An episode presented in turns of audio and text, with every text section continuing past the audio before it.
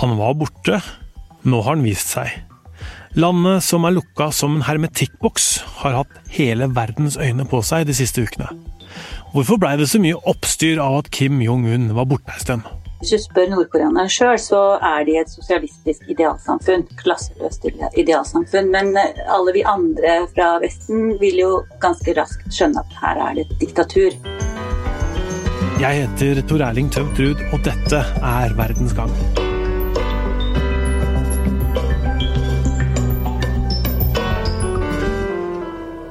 Det gikk tre uker.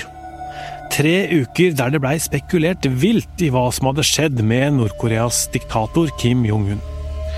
For det var ingen bilder av ham, og ingen eh, taler som blei holdt. Han var ikke til stede under markeringen av bestefaren hans sin fødselsdag den 15. april. Nord-Koreas grunnlegger Kim Il-sung ville vært 108 år, og der var ikke barnebarnet. Den overvektige og røykende lederen er antagelig bare 36 år. Var han død? Var han sjuk? Nord-Korea har så langt ikke meldt om noen koronatilfeller heller. Men folk har blitt sett med beskyttelsesmasker i landet. Hadde Kim fått korona? I helga ble det publisert en video som viser at Kim Jong-un klipper over en snor for å åpne en gjødselfabrikk i Nord-Korea. Men er den videoen ekte? Vi må se for oss hva slags land Nord-Korea er. Annemo Larsen, fotograf i VG. Du har vært i Nord-Korea flere ganger. Og det vi hører her, er det du som har tatt opp på en av reisene dine. Ja, Det første man legger merke til når man kommer inn, særlig i Pyongyang, er at det er en veldig vakker by. Det er sånn på avstand, fordi det er fargerikt og fint. Det har veldig sånn Key West-farger i pastell. Men så er det bare en fasade, fordi når du ser nærmere etter, så ser du hvor grimt det er i disse 40 etasjes blokkene. ikke sant? Og du ser at kanskje i øverste etasje så har det brent, og det er iskaldt, ikke sant? og du vet at heisene står, og der skal det gå kanskje gamle mennesker opp og ned 40 etasjer. Man vet at ikke de har vann hele dagen. Kanskje har de bare varmt vann tidlig på morgenen. Det er knallhardt, også i Pyongyang. Vi hører at du jobber med bilder, Anne-Mor, så levende som du forteller. Og så er det jo en annen ting som er egentlig ganske deilig, at du slipper på en måte den der klassiske reklamestøyen som man har i alle vestlige eh, byer. Eh, det du ser her, er jo propaganda på plakater, og de er ganske fine. De er håndmalte, eh, og de setter liksom sin ære i å lage veldig flotte propagandaplakater. Og det kan være alt fra nydelige slagord til også sånne grymme plakater av at de vrir hodet av en amerikaner, eller bomber de med en eh, atombombe. Eh, men, men, de er fine, da. Estetiske. Hvordan er eh, befolkningen delt opp? Ja, som sagt, De sier jo at de er et klasseløst samfunn, men det er kanskje et av de mest eh, klassedelte samfunnene som fins i verden. Det er eh, man pleier å si at det er delt opp i tre lag. Eh, er, på folkemunne så kaller man det at det er de tomatene og eplene og druene. Og tomatene det er de lojale. Det er de som har partitilhørighet. Kanskje er de, stammer de fra Kim-familien. De er røde på utsiden og innsiden, og de er liksom veldig privilegerte. De får de beste universitetene, får de beste jobbene. For dem står dørene åpne. Og de bor ofte i Pyongyang særlig, da, men kan også bo i noen av de andre store byene, som Wansan f.eks. Og så har du den middelklassen, da, den store hopen. Det er eplene. Det er den vaklende klassen. Det er så fint ord, det er den vaklende. De må man passe litt ekstra nøye på. Så de, de er da røde på utsiden og hvite inni. Og de skal passe seg litt, for de kan fort vekk ryke ned i drueklassen kaller det. Og det er de som er grønne på utsiden og grønne inni. De er eh, pariakasten. Det er de som på en måte får de tyngste manuelle jobbene. Ofte blir de flytta ut på landsbygda. Eh, det vanker ikke noen gode universiteter for, på dem. Og de har dårligere kosthold og i det hele tatt en mye dårligere eh, sosial status. Og de kan heller ikke rykke opp i dette systemet. Eh, det er sånn at eh, hvis du er et eple, så kan du risikere du kan, Hvis du er kjempeflink og jobber hardt, så kan du få ganske gode privilegier og få gode jobber. Men hvis du kommer ned i drueklassen, så, så er det, da er løpet kjørt. Altså. Og dit havner du. Selv om det kan være faren din som gjør noe galt, eller broren din, eller onkelen din for den saks skyld, eller kusina di.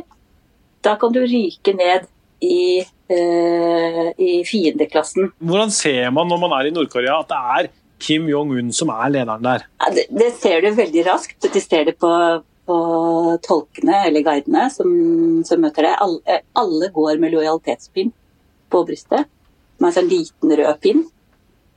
Og så ser du det jo på den allestedsnærværende propagandaen, og det faktum at du nesten alltid må innom en statue. De har jo enormt mange statuer av eh, både Kim Il-sung og Kim Jong-il, men også ja, altså Kim Jong-un har de ikke statuer ennå. Eh, og det er av den grunn at du skal ikke sette opp statuer av noen før de er døde. De kan risikere å på en måte ikke oppføre seg så bra da, før statuen er eller mens de er i live. Så jeg tror de venter til de er helt sikre på at han kan gå inn i historien som en bra kar.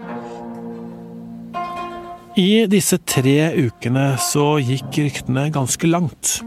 Det amerikanske kjendisnettstedet TMZ meldte at Kim Jong-un var død. Og dette er spesielt, fordi TMZ historisk sett har meldt om kjente personers død svært raskt, og det har vært rett.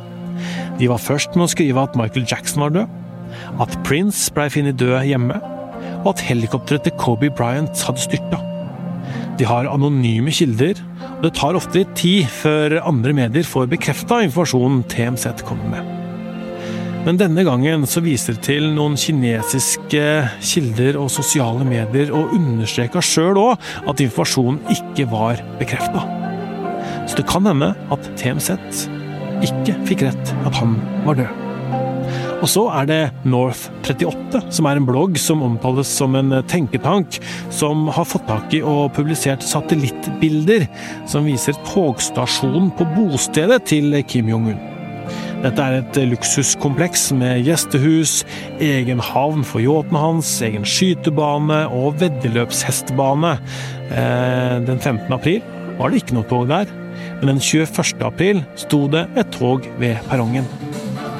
Men det sa vel ikke så veldig mye mer om hva som hadde skjedd med den nordkoreanske lederen. Parallelt med alt dette så svarte Donald Trump på sine pressebrifer at han visste hva som hadde skjedd med Kim. Han var ikke så urolig. I just have to say to uh, Kim Jong-un, I wish him very, you know, good luck. Vi skal snakke med Geir Helgesen, Nord-Korea-kjenner og tidligere direktør ved Nordisk institutt for Asiastudier ved Universitetet i København. Nå som vi har sett en video som uh, skal vise at Kim Jong-un faktisk er i live, så må vi spørre Geir, hvorfor ble det så mye oppstyr av at den nordkoreanske lederen var borte fra offentligheten i noen uker? Hvis jeg skal være litt frekk, så må jeg si det er jo pressen som skaper det oppstyret. Hvis ikke dere skrev eller fortalte lytterne og seerne og leserne om at nå skjer det noe merkelig i Nord-Korea, for nå er lederen borte, vekk, uh, så var det jo ingen som hadde oppdaget det. Så, så det er vel egentlig sånn et uh, spørsmål om at det er en presseting, og så er folk kanskje ganske interessert i et land som er så mystisk og så lukket, og så vanskelig egentlig å forstå. Hva tenker du om disse spekulasjonene som kom? Altså, jeg mener at de som satte det ryktet i gang, eh, har en dagsorden. Eh, det er først og fremst eksil-nordkoreanere, flyktninger fra Nord-Korea som lever i Sør-Korea, som er organisert, som, som er interessert i at eh, regimet i nord bryter sammen og gjerne vil eh, hjelpe litt til med å få det til å skje. Og de eh, er eksperter i å fortelle eh, historier som, som, gjør at man tenker nå, nå, nå, går det gærent. Nå er sjefen vekk, nå overtar militæret, og hva da? Eh, altså, vi, eh, vi som er forskere og som forsøker å å følge med i og forstå det som skjer. Og dere som er journalister og mediefolk, um, må prøve å være mer skeptiske i forhold til når det kommer sånne ryktekampanjer. Um, og så blir de jo faktisk også ofte um, sitert av New York Times og The Guardian og BBC. Altså troverdige kvalitetsmedier for det meste. Og, og, da er det vanskelig å, når det først starter, å liksom få gjort noe med det. Vi kan jo ikke ringe så lett til Pyongyang Eh, og, og si hva, hvordan, ser du, hvordan ser det ut derfra. Mm. Du nevner eh, at eh, eksil-nordkoreanere kan stå bak slike rykter. Hvem andre er det som har nytte av at slike rykter oppstår? Altså, det, er jo, det er jo sånn at Nord-Korea inngår i et større puslespill, kan man si. Et strategisk spill nå mellom Kina på den ene siden og USA på den andre. Og USA er jo veldig klart eh, og stort til stede i Nordøst-Asia. De har baser i mange land, ikke minst i Sør-Korea. Og eh, hele den amerikanske militære tilstedeværelsen handler om, sier USA, Nord-Korea. Pga. Nord-Koreas atomvåpen, pga. Nord-Koreas missilarsenal osv. Så, videre, så må USA være til stede og å eh, være en, en fredsskapende faktor. Eh, kineserne eh, og mange andre i Asia er mer og mer skeptiske om amerikanernes tilstedeværelse handler mer om forholdet mellom USA og Kina enn det handler om eh, frukten for Nord-Korea. På 50-tallet var USA involvert i en krig i Korea, Koreakrigen. Amerikanerne støtta de sørkoreanske styrkene som ble angrepet av Nord-Korea, som igjen var støtta av Kina og til dels Russland. I dag står Nord-Korea ganske alene, mener Geir Helgesen. Men hvis det skulle skje noe, så kommer det til å skape bølger. Det er vel stort sett ingen andre som de har allianse med. De har en form for allianse med Kina. Men Kina har jo også ganske klart eh, noen problemer med Nord-Korea. Bl.a. når Nord-Korea truer omverdenen. Og de har jo både truet USA, de har truet Japan og de har truet eh, Sør-Korea. Og da har Kina gått ut og sagt hvis de skulle finne på noe så vanvittig som å angripe eller bare sende et eller annet eksplosivt til noen av de landene, så vil Kina på ingen måte støtte det, og, og, og, faktisk være på den motsatte siden. Men skulle USA eller andre finner på å angripe Nord-Korea, så er det det samme som å angripe Kina. Så Kina har sagt veldig klart at det er, det er et spørsmål som handler mer om hele regionen og om forholdet mellom USA og Kina, enn det er et forhold som handler om det lille, fattige landet Nord-Korea med 25 millioner mm. mennesker. Eh, I disse ukene som har gått, eh, Geir, så har vi to snakket sammen flere ganger. Eh, og du har ikke trodd på disse spekulasjonene om at Kim Jong-un er død eller, eller, borte for alltid. Og, du har prata med, med, dine kilder rundt omkring. Hva er det de har sagt? De har, de har jo både sagt at selvfølgelig kan vi ikke vite noe. Eh, men, men, eh, mine kilder i Sør-Korea, som jobber på, på, ja, for, for, regjeringen, eh, som holder øye med hva som skjer i Nord-Korea døgnet rundt, faktisk, de, de, sier at vi har ingenting som indikerer at det her er et sant rykte. Vi, vi, må avvise det, fordi vi er i daglig kontakt med nordkoreanerne. Og vi kan ikke forestille oss at sjefen, altså Kim Jong-un, eh, er borte eller på vei til å bli det. For eh, det ville, det ville merkes. Um, og de har jo helt, helt klart avvist at vi skulle ta det her alvorlig. De kaller det en infodemic. Altså de, de, spiller på ordet pandemic, som er koronaen, og så sier de det her er en slags korona innenfor nyhetsformidling som er eh, uproduktiv, og som det er ingen grunn til å, å, å gå videre med. Eh, nå har vi jo da sett eh, levende bilder av eh, lederen som klipper over en rød snor på det som skal være en gjødselfabrikk. Eh, det Bildene er vel da uh, angivelig fra 1. mai. Hvordan kan vi stole på at disse bildene er ekte? Ja, vi kan jo egentlig aldri stole på at bildene er ekte. Han, han har vært vekk før, uh, lederen. Uh, Kim i Nord-Korea. Og kommer tilbake etter noen uker En gang så hadde han et problem med beina, hadde stokk når han kom tilbake. Nå vet vi ikke om, om, om det er gammel film som bare blir brukt, eller, eller, om han har vært syk. Det er jo rykter om han har gjennomgått en hjerteoperasjon.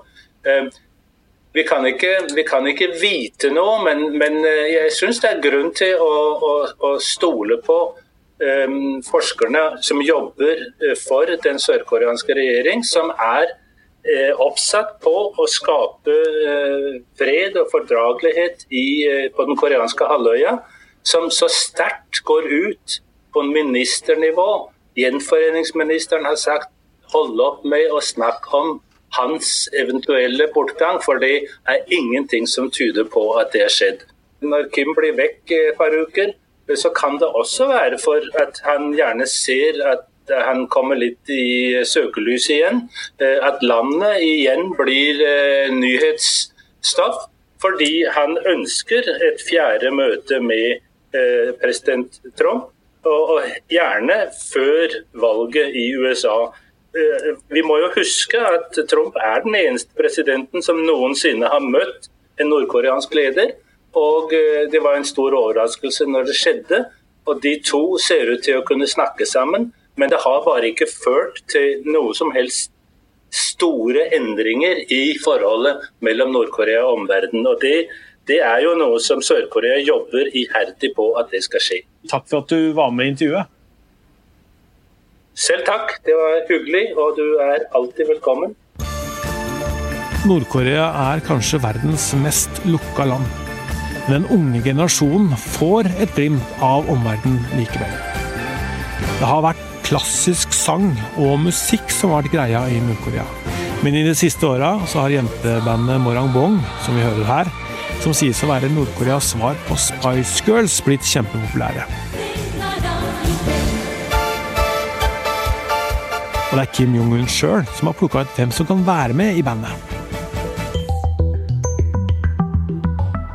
Så nå blir det interessant å se om Donald Trump møter Kim Jong-un igjen. De er jo nærmest blitt venner. Verdens Gang lages av Kristine Hellesland, Emilie Hall Nora Torp Bjørnstad og meg, Tor Erling Tømmerud. Magne Antonsen er vår tekniske produsent.